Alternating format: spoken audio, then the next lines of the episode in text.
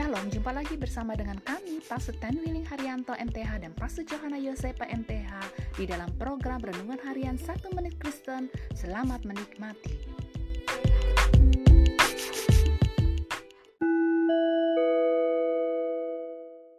Shalom saudara yang berharga di mata Tuhan, senang dapat jumpa dengan saudara. Hari ini Allah mau menasihati kita bahwa Allah punya jadwal waktu yang tidak dapat kita lihat.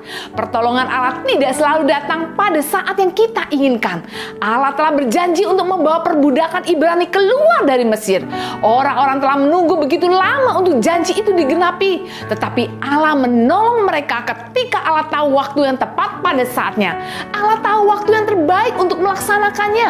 Hari ini kalau saudara sedang menghadapi kesulitan, janganlah saudara merasa bahwa Allah telah melupakan saudara dalam kesulitan-kesulitan saudara.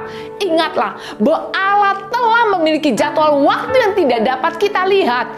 Firman Allah mengatakan sebab rancanganku bukanlah rancanganmu dan jalanmu bukanlah jalanku. Demikianlah firman Tuhan. Seperti tingginya langit dari bumi, demikianlah tingginya jalanku dari jalanmu dan rancanganku dari rancanganmu bersabarlah untuk menunggu waktu Allah, sebab semua indah pada waktunya.